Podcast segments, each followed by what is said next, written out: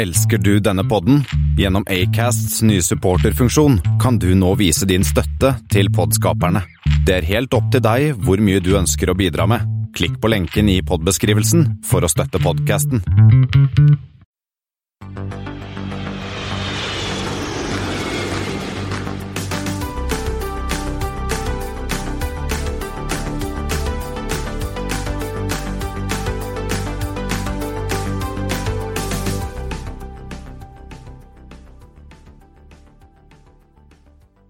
Hei, og velkommen om bord på Flypoddens flight 102. Det har blitt 24. mars, og Flypodden flyr videre, selv om eh, det meste andre står på bakken. I dag skal vi snakke om eh, korona, kanskje litt, og andre ting. Ikke bare. Nei, ikke bare om korona. Vi skal snakke litt om korona, Espen. Hei, Espen. Hei, hei. Det er Espen Næss og jeg, Kristian Kamhaug. Eh, Og det har skjedd andre ting i verden. Eh, Samferdselsdepartementet vil ha en ny flyplass. Syrian Arab Airlines har også litt fly. Og vi skal innom den fallende storheten Pan American World Airways. Eh, starter vi med noen Har du fått noen flight 102, Espen? Vi har fått noen flight 102. Jeg skal godt innrømme jeg har ikke giddet å sjekke om det faktisk går i disse dager eller ikke. Eh, Så det er ikke det som er likheten. Eh, Men la oss begynne med JL 102. Ja, det er en Japan Airlines 102, ja. Ja, ITM til HND. HND, ja, HND da ITM eh, har ingen peiling. Det er den eh, Osaka Itami. De har jo to flyplasser i Osaka. Ah. Itami og den andre som er er KIX. Som ok. kode. Ja, mm. Kansai, jeg vil hete. Den går med en 7878. På domestic? Ja, nice. På domestic. Eh, Det er mye stort i innenriks i, eh, i Japan. Og mindre fly, selvsagt. Og så er det BA102. Ja. Den er jo ganske enkel. Den går YYC til LHR. Calgary til Det er Calgary, ja. ja. Det er så gøy Eh, med kanadiske flyplasser som begynner på Y, alle sammen. Ja, så man liksom Det er ikke alltid det gir mening bokstavene bak heller. Det går med en eh, 7878. Og så er det AA102. Fra HNL til DFW. Det er Honolulu til Dallas Fort Worth, Texas, vel? Det stemmer. Og så er det jo to likheter mellom eh, disse tre. Eh, Det er eh, One World. Ja. Det er 7878. ja. Det er tre One World-selskaper som har da flight 102, som alle går med 7878. Og Den lille, klumpete, stygge Ja. Og så er det vel en, en øy eh, den I hvert fall noen øyer også, er det ikke det? Ja, hvis Storbritannia regnes som en egen øy. eh, Men det Japan er jo fra fastlandet. Ja. Eh, Men nei, det var egentlig det. Ja. Eh, Men vi har også en ulykke. En, ja, Flight 102, den er jo ganske godt dokumentert. Denne, Den er godt dokumentert. Det er National Airlines, og da snakker vi ikke om National Airlines, som vi kanskje kommer eh, bortom litt uh, siden, men da fraktselskapet National Airlines Flight 102.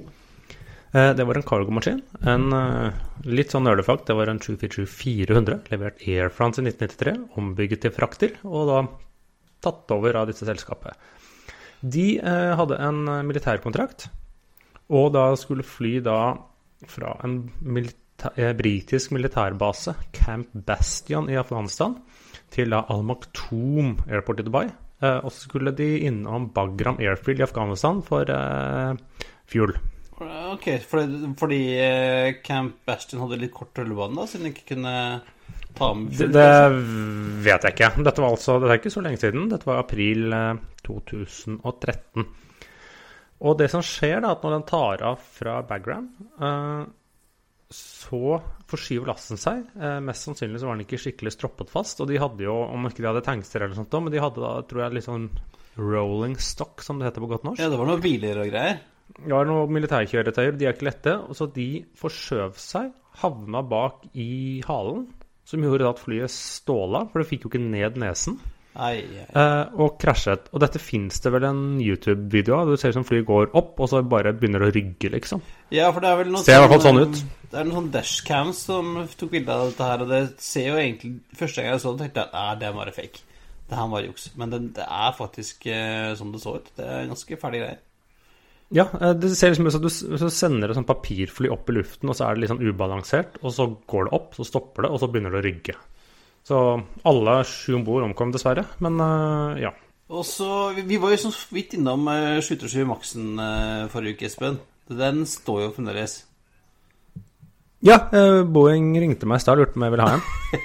ja, men jeg tenker at hvis, Boeing, hvis, det, hvis det ringer fra, fra Chicago og sier du, hei, du, eh, de der 100 Maxen du har bestilt, de, er- de, kan, de kan du levere nå? Så er det veldig sånn Ja, sånn de blir ferdig. Så, er sånn Kan ikke høre deg. Hva? Jeg hører deg ikke. Dårlig, dårlig, dårlig linje. Ja. Så nå, ja, de har, det har plutselig ikke blitt noe brohast med å få de til lufta igjen. Jeg er jo fortsatt overbevist om at de kommer tilbake, eh, og den ikke siste maksen er produsert. Men eh, ja, akkurat nå så er det jo ingen som vil ha de. Nei, så, så det Og spørsmålet er sånn hvor mange av de selskapene som har stående makser eh, som blir borte innen de er klare? Vi har jo allerede to som er gått dukken. Eh, Jet og Air Italy. Ja, eh, og dette vil jo også bety flere. eh, Men vi holder dere jo oppdatert gjennom Espens konkurshjørne, selvsagt. Ja. Ja, nei, Skal vi se hva annet som har skjedd i verden, Espen? Det er vel veldig mye koronaprat, men har skjedd et og annet, annet også som egentlig ikke er koronarelatert. Skal vi begynne med, med våre venner i Syria? Ja, vi kan begynne der. Eh, venner og venner, men eh, det snakkes jo ikke så mye om hvem har fått nye fly i disse dager, eller sånne ting, men da Syrian Arab Airlines, de har jo ja, de har lidd litt under forskjellige omstendigheter i det siste, for å si det pent, men de har fått seg en A340 600. Oh, og det har vi jo snakket om før. Og, og både du og jeg og Thomas, og ikke minst også eh, Henrik Asheim, er jo enige om at dette er jo det vakreste som har blitt bygd på en eh, god stund. Men hvordan de har fått det flyet, er jo kanskje ikke helt vakkert, men eh, de har nå klart å få tak i det. De hadde jo en, også en 340-300 fra før, og de flyr jo. De er vel kanskje et av de fly, få, få flyselskapene som ikke er sånn direkte rammet av dette koronagreiene. For det, dette, denne er jo en eh, maskin som har litt sånn broket historie. Litt broket forsett. Den begynte da det var en jeg må si, begynte sin eh, eh, karriere med eh, registreringen G Vogue hos eh, Virgin Atlantic, eh, som flere andre maskiner. Og så hadde den et lite kort gjesteopptreden i High Fly Malta.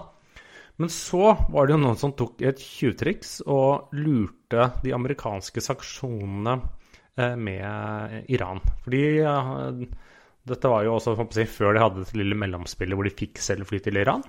Eh, men da var det plutselig så dukket opp et irakisk selskap som het Al Nasser Airlines.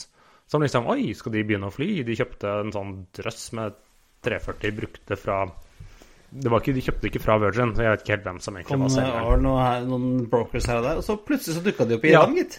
Ja, og så liksom Ja, så ble de fløyet Fikk de liksom eksporttillatelse eller hva det måtte være til eh, Irak. Og så liksom Ja, jøss, Irak er kanskje på vei opp, noen skal bygge det opp. Og så vips, så dukket plutselig flyene opp i Teheran. Hos Mahan Air. Hos Mahan Airlines. Og de har jo Mahan eh, De har jo litt snuskete forbindelser, og de har jo Det er jo bevist at de har jo transportert mm, gods, for å si det sånn, som ikke har vært helt legit, og som ikke har vært eh, eh, noe håper jeg, bomber og granater som eh, skulle til land som man kanskje ikke skal levere så mye av sånt nå i disse dager. Men Men uansett er ikke, er ikke Mahan Air Er ikke de eid av uh, den iranske revolusjonsgarden eller noe sånt? Ja. Så det, er, det vil si at eh, det er jo litt sånn politikk, hvordan de har fått tak i dette. Politikk og godt gammeldags tjuvtriks. Ja, men uh, får vi se da om Syrian har noe sted å fly dette flyet, for det er ikke så mange flyplasser som er oppe lenger. Nei, men de hadde jo blant annet De har fløyet en sånn Er det en gang i uken, eller annenhver uke? Så har de fløyet eh, denne andre 340-en sin, i hvert fall en liten periode, fra Damaskus til Caracas i Venezuela. Ah, ok. The evil uh, The axis of evil, som George uh, W. Bush ville kalt det. The Ja, så det er vel det at Ja, de har i hvert fall funnet en cargo-nisje der. Eh, hver vei. Så ene, ene landet trenger noe og har noe annet, og det andre landet trenger kanskje noe annet som de da ikke andre landet har. Ja. Ja. Ja, eh, og i vår eh, ekstraepisode, Flight eh, 101,5, snakket vi litt om denne redningspakken som staten hadde kommet med til, eh, til flyselskapene i Norge. Og eh, da var vi litt snakk om, om disse flyrutene som staten hadde sagt de skulle garantere for. Og nå har vi jo fått eh, fasiten på det. Hvordan ja, det ser ut. Eh, ikke si, De har ikke liksom sagt hva, hva får flyselskapene. De har bare liksom budsjettert at ja, dette koster sikkert en milliard eller noe sånt. Da. Eh, de tok en sånn grunnlag, de stakk fingrene opp i været og kom med et tall. Eh, men de, de, har da liksom eh, SAS og Norwegian eh, si, har fått litt mer til SAS enn eh, Norwegian, og de skal fly en sånn Hvor mange ganger var det i uken? Det var en 200 eh, Nei, 684 flighter ble det totalt, vel? Ja. Og så er det sikkert begge veier, sånn at det var litt sånn Det var litt som vi snakket om før. Det var Hvem var det som var mest At Trondheim fikk seks daglige. Var det Bergen fem? Ja. Stavanger fikk fem. så var det sånn én to to. Tromsø to ganger. Bodø, Molde osv. Så sånn et sånt minimumsopplegg. og så var det noe som også Widerøe skulle fly, eh, da utover da de eksisterende FOT-rutene. Ja, eh, og det var da SAS fikk da 23 ruter, Norwegian fikk 17, og så deler de Svalbard. Ja. Eh, så det var en sånn relativt broderlig fordeling. Kanskje et lite overvekt eh, til SAS. Eh, men samtidig som staten har bestilt flyruter, så har de bestilt en ny flyplass, eller, hva, eller har de bare bedt noen om å ta seg sammen? Ja, for det er jo også lenge vært eh, snakk om en ny flyplass i Mo i Rana for Nordland. Ja, Helgeland, Helgeland heter vel landet der. Helge, er det Helgeland heter? Ja, ja. For Nordland fins ikke lenger, gjør det det? Jo, Nordland er eget fylke. Men de skal da ha Altså, er jo i Nordland, men de har sånn fire flyplasser der som ligger sånn, om ikke alle ligger tett, da. Brønnøysund, Sandnessjøen, Mosjøen og Mo i Rana. Og så er det da Sandnessjøen, Mosjøen og Mo i Rana nå som noen ønsker å slå sammen. Noen ønsker definitivt ikke å slå det sammen, så de krangler jo så busta fyker der. Ja, det blir jo en, en god gammeldags lokaliseringsdebatt, kan du si. Ja, for de har vel egentlig funnet ut hvor de ønsker flyplassen, eller de som det kom seirende ut av den debatten. Eh, så er det jo et selskap som har hett Polarsirkelen lufthavn, liksom denne flyplassen kommer til å hete. Eh, men de hadde tydeligvis ikke helt klart å komme til enighet med staten, eller hva det var, det vet jeg ikke. For plutselig så sa liksom Samferdselsdepartementet Jeg visste ikke engang at de ivret så veldig for denne at den beste modellen for å sikre fremdrift i arbeidet med en ny flyplass i Mo i Rana, som dere har vært ærlige hvor den ligger, er å gi Avinor oppdraget med å overta den videre prosessen med bygging av ny lufthavn. Ja. Og så har Avinor sagt, eller fått beskjed at dette kunne dere være så god å prioritere. Så jeg antar det følger med noen penger også. Det virker som liksom, Avinor var ikke sånn Oi, dette har vi kjempelyst til å gjøre, men uh, liksom, så, ja, så lenge dere bevilger penger, så gjør vi det. Ja, så da blir det en ny flyplass uh, i Mo i Rana. Uh, jeg kjenner noen som driver og prosjekterer sånne ting, så de blir sikkert happy for, uh, for det anbudet. men det store spørsmålet er jo da hva skjer med Sandnessjøen, Mosjøen og Mo i Rana. Og den siste?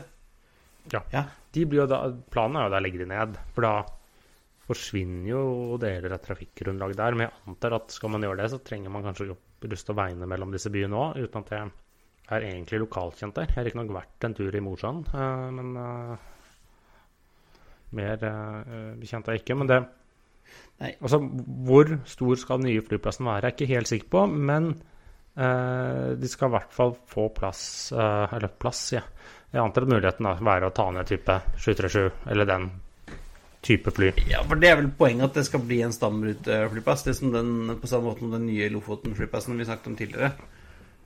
At det ja, ikke det skal være kortbanenett, men det skal også bare kunne tilknyttet uh, de store, flyplass, store, store rutene. Ja. Men så er det jo Hvem skal fly dit? Norwegian, hva skjer der, eh, Christian?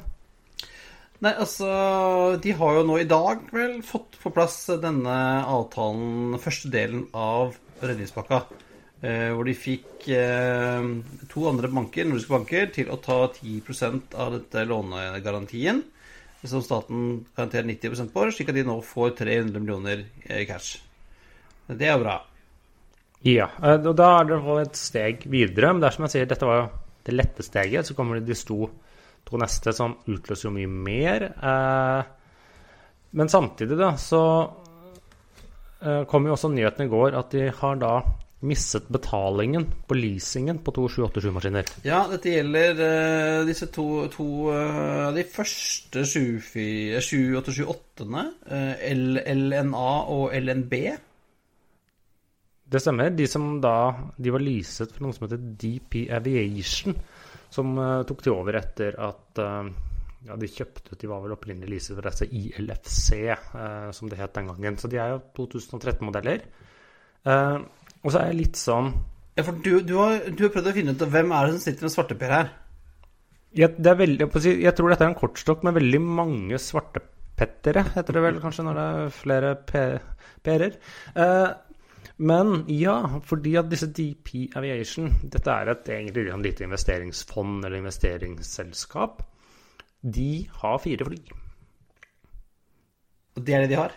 Det er det de har. Og da to av dem er disse som Norwegian eh, eh, feiler å betale på. Så de skjønner jo at da de er jo litt nervøse. Eh, Ethvert lisensselskap som hva skal jeg si, mister en betaling, er jo ikke fornøyd. Men når da halvparten av porteføljen din var litt sånn ops. De to andre er forresten to 787-maskiner som er hos Thai. uh, så jeg skjønner jo, Og disse er jo belånt selv, så jeg skjønner jo at de, de frykter jo at sine egne kreditorer skal da komme på å banke på postboksen sin på Girl Nursing. Ja, det, men eh, Norwegian sier nå at de jobber, si, jobber, med å finne en løsning for dette, men det er jo aldri noe godt tegn når du mister lease payments. Nei, men så er det nå skal jeg Nå kommer litt min kunnskap til kort. Eh, jeg kan en del. Eh, men hva slags sanksjonsmuligheter har da DP Aviation overfor Norwegian? Det vanlige er jo å, som folk som vanlig gjør, er å komme, å komme og hente flyene. Eh, ja, det, det, det vil jo Norwegian. Ja, for de vil jo gjerne bli Jeg spekulerer litt i det. Er, er, dette en måte for å bare bli kvitt da gjeld? Og bare for å bli kvitt Ja, Jeg betaler ikke på de flyene. De står der. Vær så god, kan dere komme og hente dem? Ja, I, i, i eh, Stavanger sammen med en her andre, da? Ja. Jeg har eh, gravd i hele prospektet til dette Deep Aviation, for de fikk jo inn noen aksjonærer for noen år siden.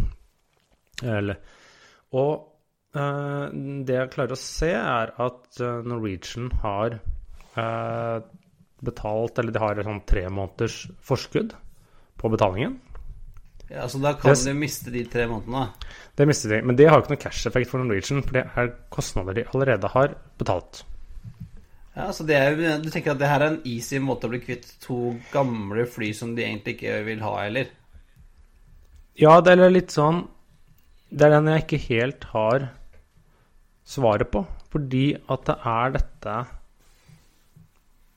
Hva kan Norwegian gjøre her? Det er rett og slett det Eh, det jeg lurer på. Fordi det står jo i, i hele den uh, som jeg leste, da jeg leste denne uh, som de har skrevet, så står det at i klausulen de kan 'enforcing performance of the relevant NAS and recover damaging from the breach by Norwegian'. Sånn at betyr det at de tar tilbake flyene, eller kan ta tilbake flyene, og så kan det gå og saksøke Norwegian, og så relativt enkelt da får de det, tapet de har Uh, ved at Norwegian da sier at nå leaser vi dem ikke mer. Litt sånn type hvis du vinner en budrunde på Tusi her i, uh, her i landet, uh, og du sier at nei, vi ikke ha den likevel, så kan jo da selger saksøke deg og får da medhold nesten automatisk. At du må vær så god og betale det mellomlegget du har tapt. Er det sånn det fungerer? Det hjelper jo ikke Norwegian. Eller er det som med leasingbilen min, at jeg kan trille ned til bilforhandleren min, kaste nøklene på han og si hei, jeg gidder ikke ha den mer, og så må jeg bare betale for eventuelle riper. Ja, Eller er det en mellomting? Det må være noe med det, for du, altså, de har jo ganske lange leasingavtaler. Hvis du skal ut av en sånn Det pleier jo å koste litt penger å komme ut av en avtale. Ellers hadde man jo, ellers hadde de jo bare sendt alle flyene tilbake igjen. Ja, det er det jeg rett og slett uh, lurer på. Hva er straffen risen bak speilet? Og, og hva, hvorfor har da Norwegian valgt ut disse flyene fra en relativt liten, svak leasingaktør? Uh, tar de en slags kalkulert risiko selv her? Ja, det, det, virker som et litt sånn høyt spill. For at uh, hvis du først begynner å miste lease payment, så vil vel de andre leasingselskapene begynne å lure på hva, hva ståa er. Skal vi, må vi begynne å eh, komme og hente flyene våre, eller hva, hva, skjer her? Ja, men kanskje det. Det er det også Norwegian ønsker. De får beskjed ja, skal vi komme og hente flyene våre. Ja, det kan dere. Det står der.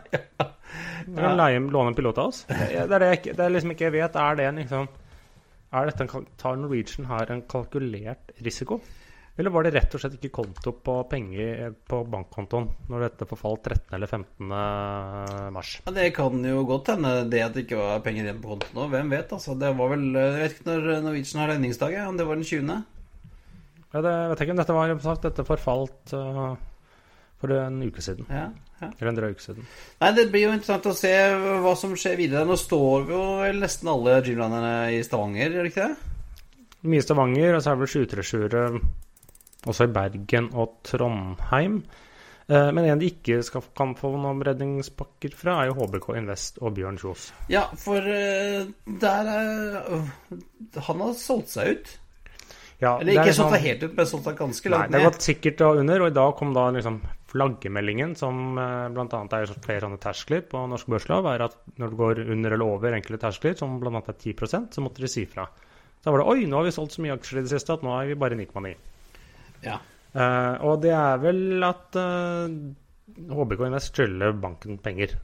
Uh, så det salget er vel Det er ikke sikkert at det er helt frivillig, eh, eller om det er for å liksom stille, stille cash at noen har banket på døren. Det, Ja. Vi har vel snakket om det før også, at disse aksjene er vel eh, påstått å være såpass eh, høyt belånt at de er vel mer lån på de enn eh, verdien er nå.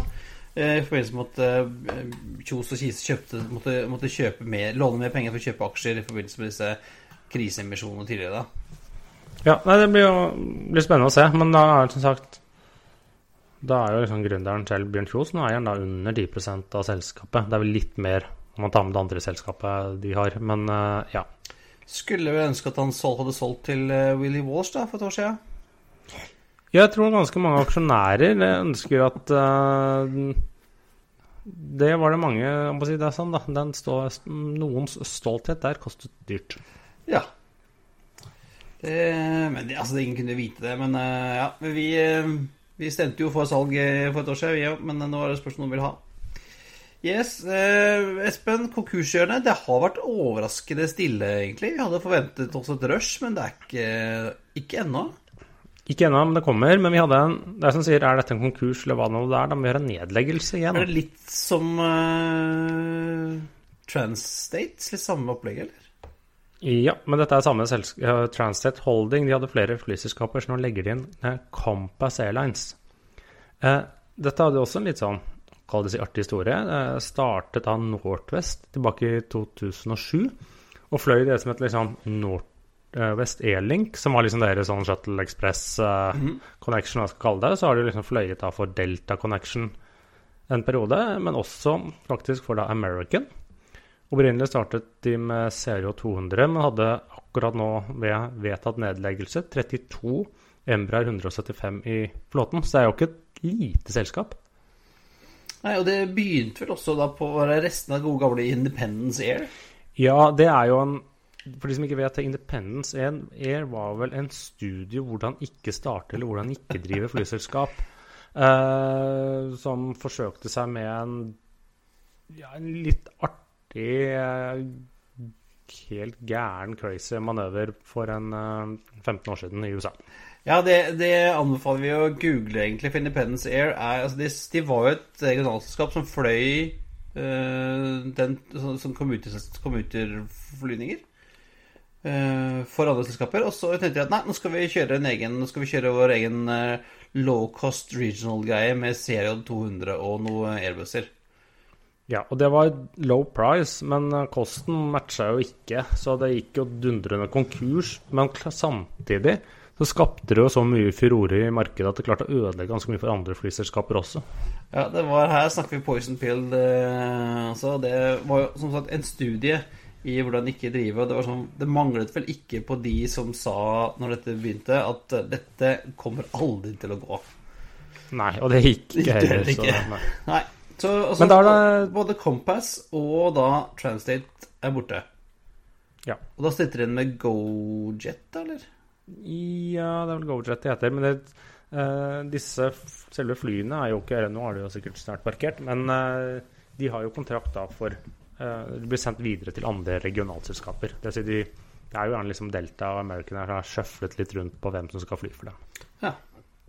ja, så det var egentlig eh, ukas uh, nyheter, Espen.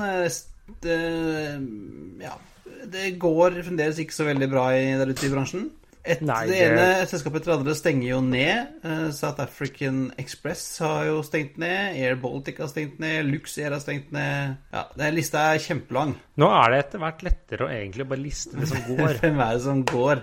Så Ja. jeg så liksom Ja, nå er det jo sånn at Widerøe flyr litt, SAS flyr litt, Norwegian flyr litt. I hvert fall det gjelder oss. Uh, mye av det andre er stengt ned. Uh, men jeg så at Nå så jeg ikke noen frekvens, eller, men KLM hadde håper å fortsette å fly Amsterdam-Oslo. Ja. Det er jo, Vi kikker jo litt eh, av og til på trafikken. Det er jo en og annen, et eller annet fly ute. Widerøe har hatt et par sånne morsomme flighter siste. Blant annet så fløy de en eh, E2 ned til eh, Tenerife for å hente norske sydenturister hjem. Ja, og jeg har sett andre litt sånn rare chartere eh, fra liksom ruter som normalt ikke går. Så det har jo liksom vært lite grann. Jeg så en Oslo-Aberdeen og en Aberdeen-Førde som gikk med en eh, Dash 800. Ja, det er Førde eller Florø. Ja. Det er same same, men det var en av de. Ja. Det er litt av hvert eh, spesielt som eh, skjer.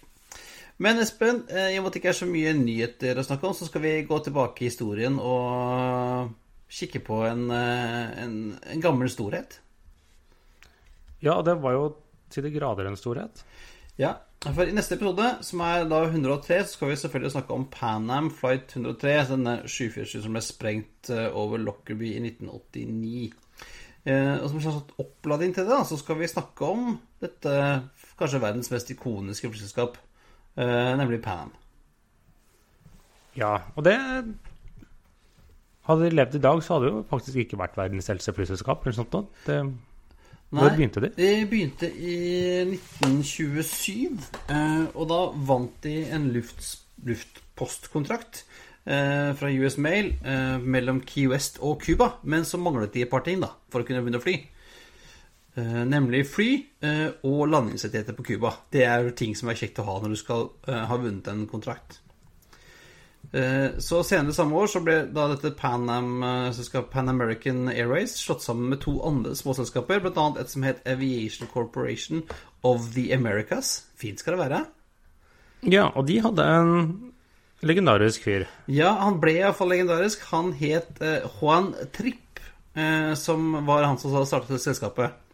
Eh, og han ble etter hvert eh, veldig godt eh, kjent som mangeårig CEO da, i Pan Am. Eh, og med hans navn Juan så skulle man tro at han var fra Cuba? Cuba eller noe sånt, siden han holdt på med det der. Nei, men altså, han er så hvit American, American Wasper som han kan bli, Espen. Han er New England Ivy League og gått på Yale og greier, og, og familien hans kan liksom a- f- styre aner tilbake til eh, et skip som kom til Amerika i 1664, så Ja. Og han satt lenge som sjef. Han satt i, som sjef i Pan Am i over 30 år. Ja, og styrte det selskapet med både med jernhånd og hadde ganske mange gode ideer. Til, Ja, eh, for, for de fikk jo da dette fra å frakte litt post til Cuba. Eh, og så i løpet av noen år, eh, og i løpet av krigen, så ble det jo det man kan kalle eller sånn de facto, eller på en måte the flag carrier til USA. Ja, eh, de ble jo da Det var et chosen instrument, egentlig, for eh, amerikansk eh, utenriksfart. Utpå 30-tallet så var det jo en jobbet jo masse ordentlig pionerarbeid med som å lage, bygge langdistanse, som ikke da fantes. Den tidens ultra long haul. Med disse flybåtene, klipperne. Sikorsky flybåter og Martin flybåter og Boeing Clippers, som eh, først fløy til Stillehavet, og så senere til Europa og bandt verden sammen, da. Ja, og dette med Boeing Clippers, de etter hvert så tok de jo da det Call-signet til Pan Am var jo Clipper. Ja, og alle flyene het jo et eller annet med Clipper. De hadde jo navn Ja. den gangen. Clipper of ditt og Clipper of datt. Clipper of America og Clipper ditt. Ja. Eh, og på på 30-tallet så, så jo- jo- gjorde de ganske mye sånn forskningsarbeid. Dro ut på øyer i Stillehavet og bygde lokale eh, baser. Satte opp meteorologistasjoner eh, med, sammen med Forsvaret, da. Så militæret var jo mye med. Eh, og i 35 så åpnet de den ruten som da gikk San Francisco-Manila med Martin M130 flybåter, som stoppa vel fem ganger på veien, bl.a. på, sånn, på Guam og andre sånne rare øyer. Eh, og da kuttet de reisetiden eh, fra, eh, med 14 dager. Fra det det tok før med båt, så tok det bare noen få dager da, med, med fly. Og, og, det var jo, hvis du ser bilder fra den siden, så var det jo, det var jo luksus. Det var jo liksom ordentlig De, de hadde senger, og de ble passa på. Det var jo ikke mange passasjerer på hvert fly. Men gratis var det ikke? Eh, nei. Eh, snakker som om at sånn The Golden Age Aviation og ja, se så fint det var i gamle dager, da var det service og ja, ja, ja. Mens én vei, San Francisco-Manila, kostet da 950 dollar. Som i dag er Ja, sånn 170 000 kroner, da. Én vei. Ja, så ikke akkurat uh, low cost. Men de Tok ikke, si, det som ikke en helgetur til Manila, bare. Nei, eh, absolutt ikke. Uh, men de bygde jo da litt sånn sten på sten. De gikk jo etter hvert uh, Etter at de sluttet med disse Eller flybåtene sine, så hadde de forskjellige disse Er det Boeing 314, eller hva det het, før Boeing ble rett. Sånn de bygget et nettverk både mot Asia, de bygget et stort et mot Europa. Og som sagt, det var jo liksom De og Trans World Airlines var vel de foretrukne amerikanske flyselskapene. For den gangen var det jo ikke bare å starte rute som du ville, du ble liksom utpekt av myndighetene. Ja, det ble ut, eh, du måtte søke om den til Civil Aviation Board, da. Fram til 1978 i hvert fall, når, eh, når president Carter eh, signerte denne Deregulation Act. Eh, og det var jo noe av problemet for Panam. da, For Panam var jo store på, på internasjonalt. De fløy jo til alle på 70-tallet fløy de til alle verdensdeler unntatt Antarktis. Ja, og de, de hadde jo liksom monopolet på eh, til, ikke, ikke, ikke monopolet, da. De var sånn store på Asia. De hadde USA til Sør-Amerika. Og de hadde jo de fleste europeiske rutene. De var jo da de samme TWA var jo da eneste amerikanske flyselskapet som bl.a. fikk lov til å liksom ta gullrutene mellom USA og London. London Heathrow. London Heathrow, yes. Og så hadde jo Panam også eh, Det var litt gøy at de hadde jo eh, De fløy også innenriks i Tyskland. Ja, Inter-German Services ja. eller noe sånt noe. De hadde jo, fordi at Fram til langt ut på 80-tallet så hadde jo ikke Lufthansa lov til å fly til Berlin. Jeg lurer på om det egentlig var fram til 1991, ja, da Berlinmuren falt. Ja, det kan godt hende så lenge. Uh, ja. Så det var, altså Pan Am hadde da en base i Berlin, som de fløy da fra Berlin til uh, Vest-Berlin, da. Uh, igjen over til Øst-Tyskland, og så inn til Frankfurt og München og Köln og alle disse stedene. Og til Oslo, faktisk. Ja, De fløy litt fra Berlin til Oslo, men de hadde jo da en operasjon De hadde flere forsøk på, på Oslo. Da Fornebu. Nå husker du sikkert det du bedre enn meg. De fløy, de fløy jo blant annet var det en blanding av 737-200 og men primært 727 i ymse routinger Oslo-London for å feede longhold? Ja, 727 var det som de hadde basert i London. 737 var i Tyskland. Okay. Eh, og Sluttårsjø hadde de ganske langt ut som var base på Heathrow. Og så fløy da fra Heathrow til, til, Oslo og andre byer i Europa. Og så feeda da inn til Heathrow-basen sin, da. Mm. Og, og, på slutten så prøvde de også direkte, så de fløy jo eh, Var det en sesong eller to? Airbus 310 direkte fra uh, Fornebu til JFK. Ja, stemmer. Moren og faren min eh, og søsteren og broren min fløy jo den ruta når de skulle besøke meg når jeg var i Texas i 91, ja, på våren 91. Men uh, det så, så, så Pan Am var store på internasjonalt. De fløy masse fløy overalt, hele verden. Fløy de hadde jo crewbaser overalt, og hadde jo crew-flyvertinner særlig da, i alle land omtrent. Mange norske Eh, jeg har truffet eh, av og til noen eldre norske damer som har eh, fløyet som Pan Am-crew tidligere. Det, det, er de jo stolte av. De har jo sin egen klubb ennå, tror jeg. Så de møter ja, det, Dette være, slik jeg har forstått det da, i, i, i ettertiden, det å være ansatt i Pan Am det var liksom high regarded. Ja, det var liksom Det var Både i cockpit og i cabin så var jo det det beste du kunne få, omtrent.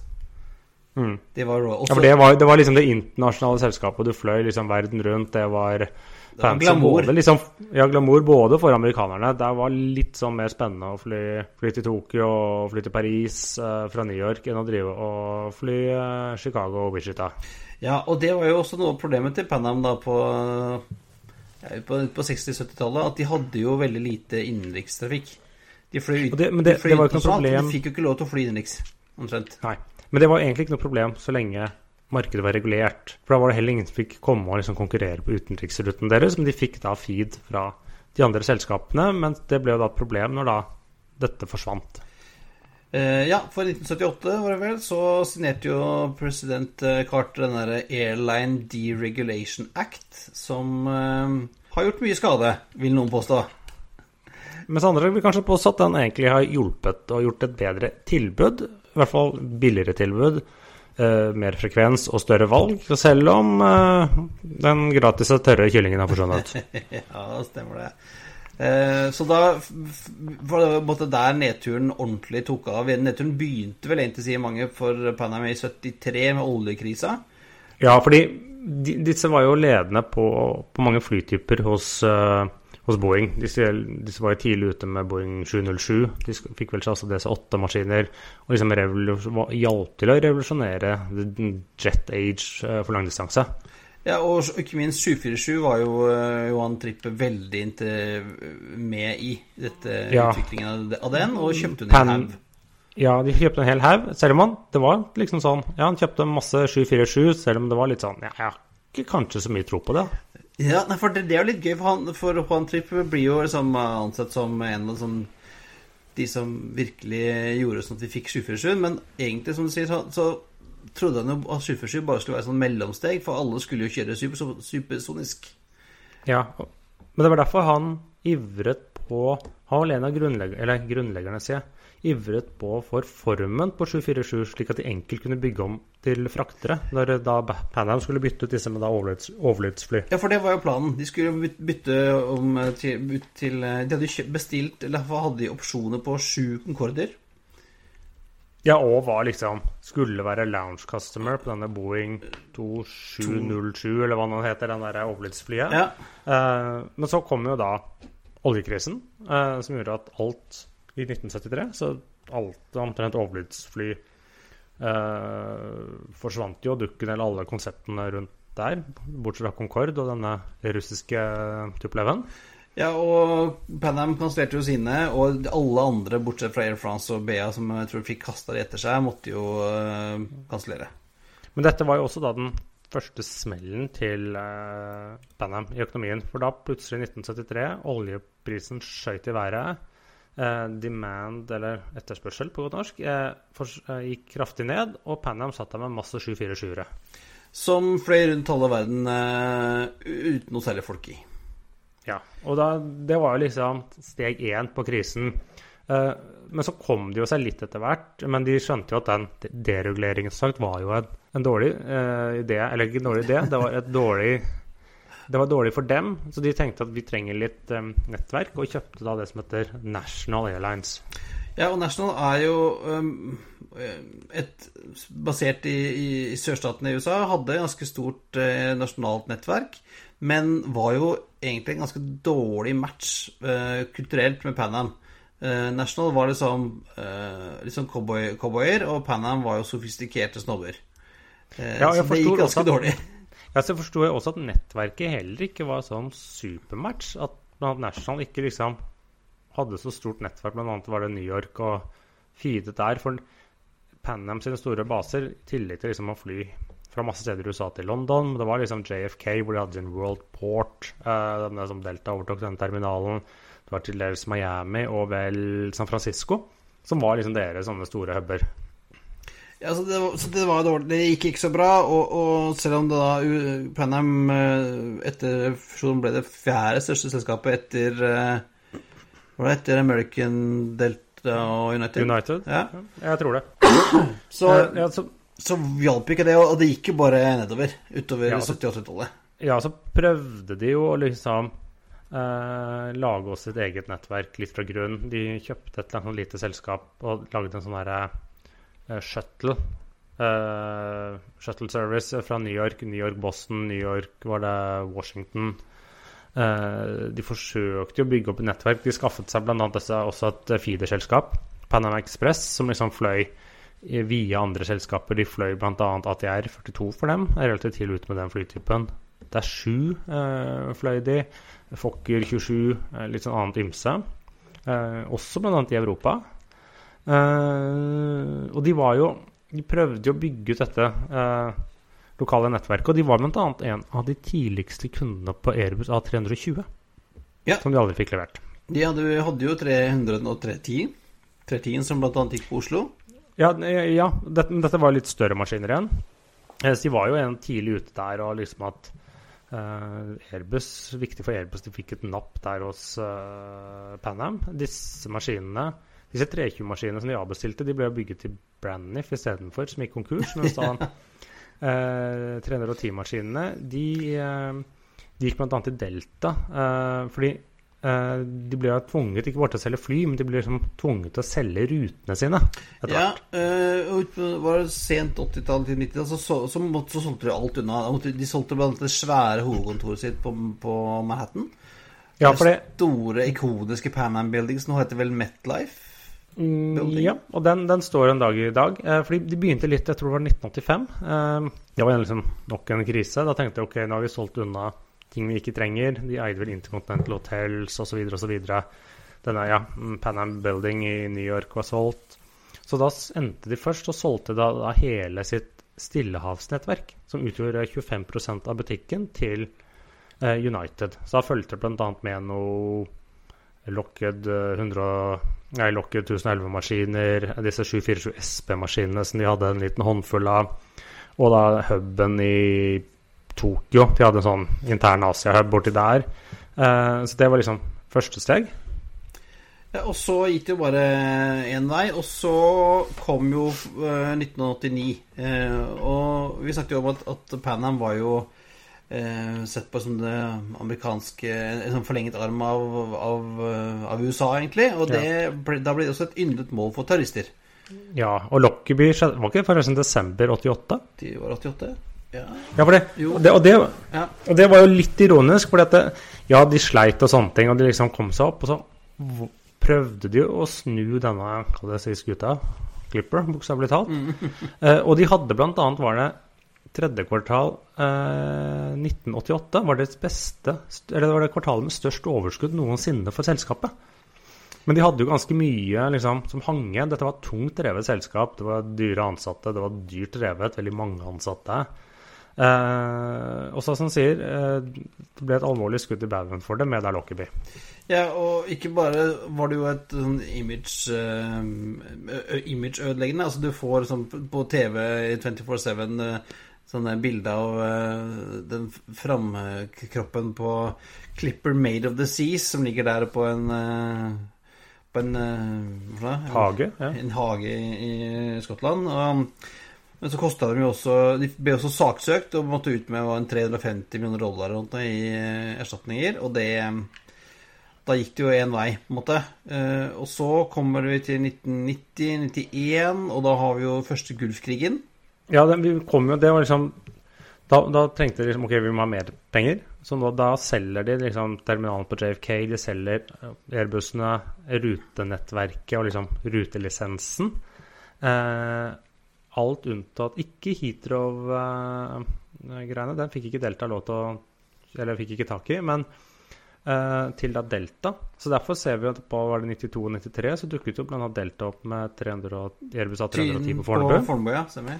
Eh, så de solgte den, og så hadde de liksom Ok, nå, uh, nå Nå skal vi gjøre et nytt forsøk på å restruktureres. De skulle liksom bygge opp en hub var det i Miami. De eneste de satt igjen med, var Karibien og Sør-Amerika. Litt sånn tilbake til back to the basics. Ja, og så skulle de liksom få noe få noen nye midler, og de uteble. Delta hadde lovet å eh, putte inn noen penger. De sa nei, det gadd vi ikke allikevel. Så til slutt, altså, etter å For de gikk jo inn i konkursbeskyttelse, var det i 1989 eller 1990. Ja. Eh, men da i desember 1991 så liksom sa de nei, nå klarer vi ikke. Nå var det slutt. Ja, Da var det brått slutt. Det var ikke, da var det ikke noe, noe, noe, noe chapter 11 og noe researching. Da var det bare ferdig. Eh, siste flighten var eh, siste, flight, siste ruteflighten var altså eh, Pan Am Flight 436 fra Bridgetown, Barbados til Miami. Eh, og det var Clipper Goodwill, en eh, Boeing 727. Da var det slutt. Det var slutt. Eh, og da de skyldte jo også litt sånn på Delta, som hadde lovet dem å gi dem noen millioner og ikke gjorde det. Så disse kreditorene til Pan Am saksøkte Delta for 2,5 milliard dollar. De ansatte saksøkte dem også, men de tapte jo, da, så det sang i, i rettssaken. Eh, så da, og så har det jo vært sånn flere forsøk på å starte det opp igjen i ettertid. Ja, for det er jo et, på til en, altså, i, Jeg leste i dag at i 1991 altså, var Pan Am var jo USAs nest mest verdifulle merkevare. Ja, det, det var viden kjent. De hadde fått seg nok av sine kraftige riper. Og det var jo litt sånn slik jeg forsto det, at statusen den forsvant jo litt sånn gradvis. Etter hvert som de manglet penger, så slet de litt med å holde ved like på flyene. Flyene begynte store forsinkelser, kabinen var sliten. Det var, altså, de fløy jo mye gammelt trær. Det er masse 727-200 liksom, på 90-tallet. Ja, deres 74700-maskiner de var ikke nye nye markedet som de da i 1990. Eh, så det var litt sånn at merkevaren var mye, så noen kjøpte merkevaren, forsøkte å starte selskapet opp igjen. Men den fins i dag. fordi at det, merket, det er ganske ikonisk, den logoen til Pan Am. Det var en, si, amerikanerne kaller den blue meatball. Ja, og den tror jeg alle har sett. Jeg har en T-skjorte med den på. Eh, og det fins jo masse folk som går rundt med sånne Ja. bager, retrobager og sånn. Den er noen som eier i dag, og som bruker den. Ja, er det, et, eh, er det en flyskole? Nei, det er, et ja, nei, det er den eneste som er igjen av Pan Am, er en flyskole. Men selve merkenavnet blir kjøpt av et amerikansk jernbaneselskap. Som nå kaller seg for Pan Am Railways. Og som da på det er, Jeg tror de driver med gods. Og på godsvognene sine da, så har de da denne blå Eller denne Pan Am-kjøttbollen og, og merket. Så de eier da merkenavnet og driver med godstrafikk på jernbane i USA.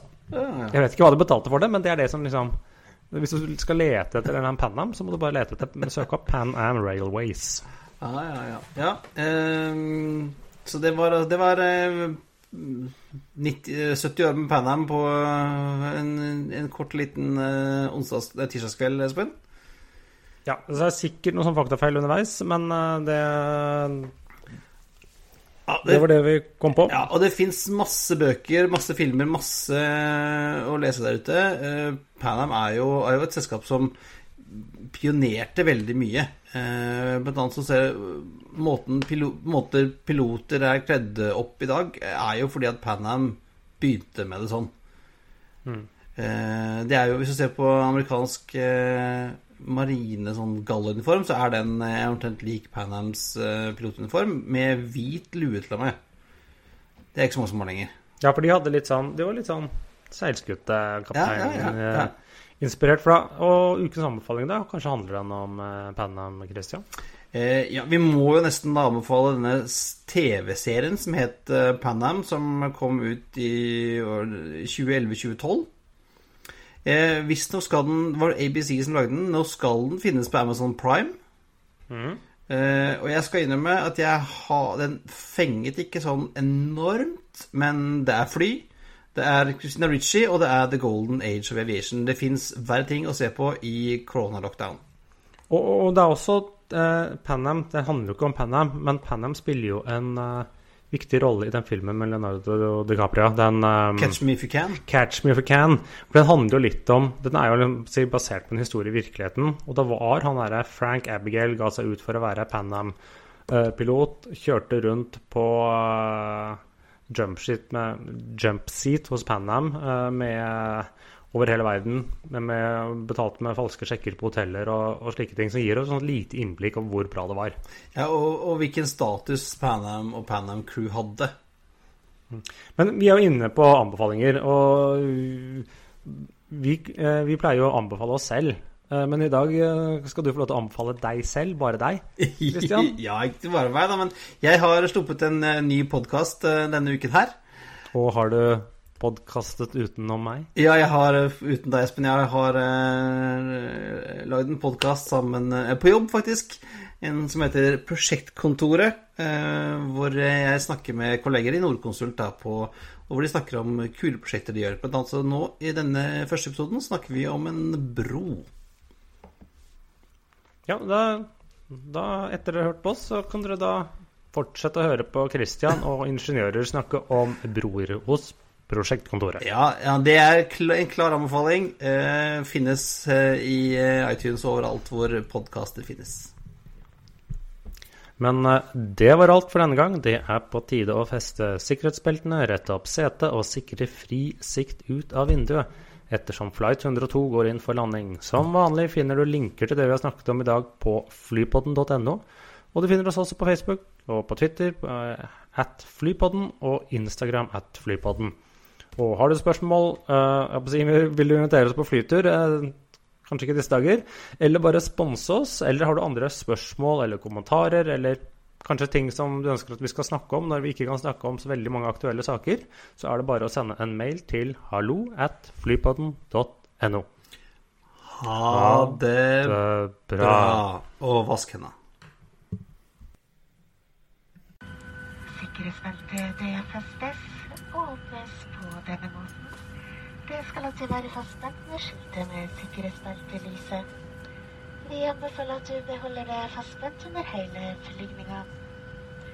Ved behov for oksygen åpnes et panel over det automatisk, og maskene kommer til syne. Trekk maska ned med et kraftig rykk. Plasser den over nese og munn, og pust normalt. Juster båndet for å holde maska på plass. Ta først på egen maske, hjelp deretter andre. Redningsvesten fins under solen Ta vesten over hodet. Legg båndet rundt livet. Fest spenna og dra igjen det stykket for å stramme til. Det er først når du forlater flyet at du blåser opp vesten ved å dra i stroppen. Du kan justere lufta i redningsvesten ved å benytte munnstykket. Nødutgangene bak, over vingene og foran i kabinen er alle merka med exit-skilt. Lys i midtgangen vil vise veien ut. Legg merke til hvor din nærmeste nødutgang befinner seg. Det kan være bak deg. Og ved evakuering skal håndbagasjen forbli om bord. Du må gjerne bruke elektronisk utstyr og vårt wifi så lenge flymodus er aktivert over hele flygninga. Dersom du lader elektronisk utstyr, vil det holde enheten under oppsikt. Kontakt besetninga hvis den blir varm eller begynner å ryke. SAS-flyvninger er røykfrie. Dette inkluderer elektroniske sigaretter, og det gjelder også på toalettet. Besetninga er om bord fordi sikkerhet, og det er viktig at du følger våre instruksjoner under flygninga.